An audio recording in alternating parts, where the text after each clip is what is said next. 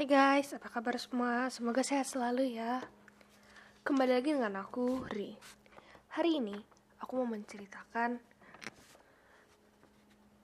novel Bang Terelie yang berjudul Sepotong Hati Yang Baru. Jadi, ini adalah kumpulan cerita dan aku akan menceritakan salah satunya, yakni yang berjudul Kisah Sie-Sie. Han adalah kuli kasar di pabrik tahu. Istrinya adalah ibu rumah tangga, juga pembantu. Keluarga Han tinggal di pinggiran Singkawang, Pontianak. Daerah yang sangat kumuh. Siese anak tertua dari tujuh bersaudara, usianya 16 tahun.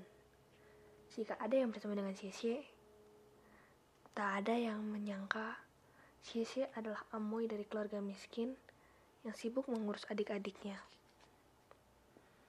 Jika saja Xie terlahir di keluarga berada, pastilah piala-piala memenuhi rumahnya.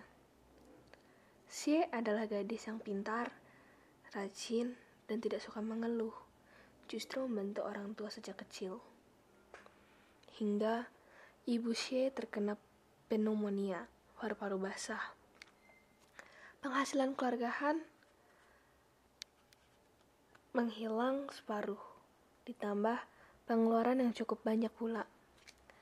Tak ada harapan jika tak ada uang. Maka Xie memutuskan mengambil pilihan yang amat ia benci. Ia bersedia nikah foto atau menjadi istri belian.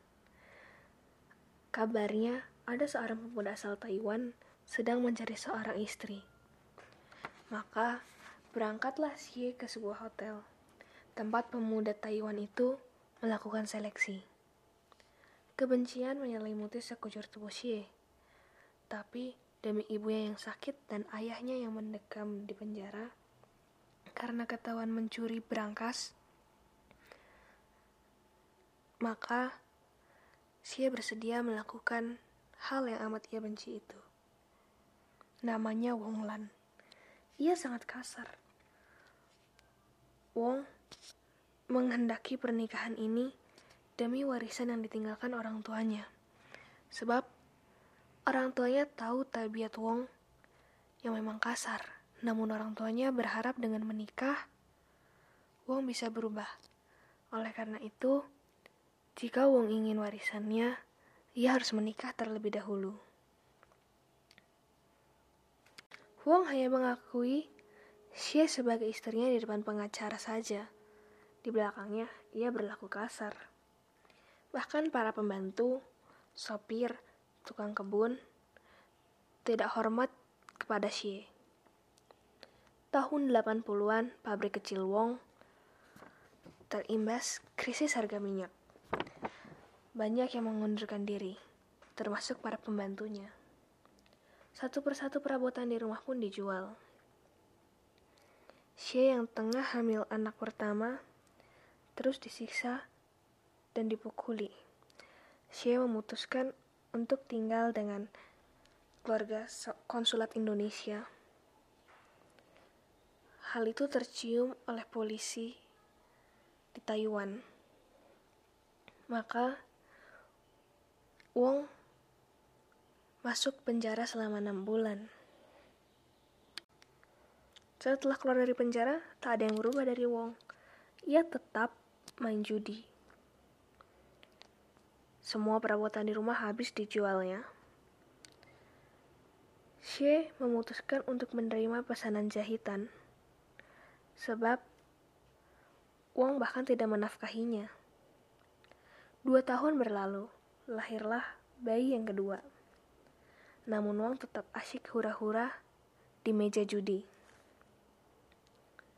Enam tahun berlalu, lahirlah sepasang bayi kembar yang imut. Wong tetap tak peduli. Wong justru menjual rumahnya. Siap pontang-panting menumpang di keluarga konsulat Indonesia untuk yang kedua kalinya. Berkali-kali orang menyuruhnya untuk bercerai, namun janjinya kepada ibu masih ia ingat. Ia berjanji akan mencintai Wong apa adanya dan dia akan berusaha membuat Wong mencintainya. Tiga tahun ditampung di keluarga konsulat, Xie pun pindah ke kontrakan. Ia memutuskan untuk mengontrak, membuka usaha jahit. Usaha jahitnya semakin terkenal. Di mana Wong? Ia hilang tadi ketahui rimbanya. Xie sibuk menjahit dengan para pegawainya.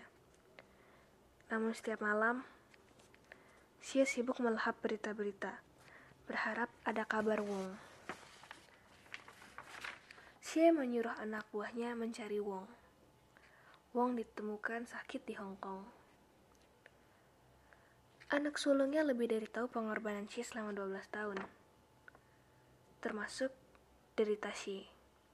Maka anak sulungnya marah dan pergi saat melihat Wong. Selama sakit, Wong akhirnya menyadari betapa tulusnya Xie kepada dirinya. Mereka pun kembali mengarungi rumah tangga bersama. Wong juga berubah. Mereka bahkan sempat pulang ke Singkawang untuk menengok pusara ibunya dan bapaknya. Di sana, anak kembar Xie menemukan jodohnya. Bukan dengan nikah foto, namun memang cinta pada pandangan yang pertama. Di Pekong Surga Neraka. So, sekian dari aku. Kalau kalian mau baca detailnya, kalian bisa beli bukunya Bang Terelie yang berjudul Sepotong Hati Yang Baru menurut aku ini bukunya seru banget. Karena ceritanya nggak biasa gitu nggak bisa ketebak. So jangan lupa baca bukunya bang Tere untuk menemani hari kalian di rumah ya guys. Terima kasih. Share my podcast. Bye bye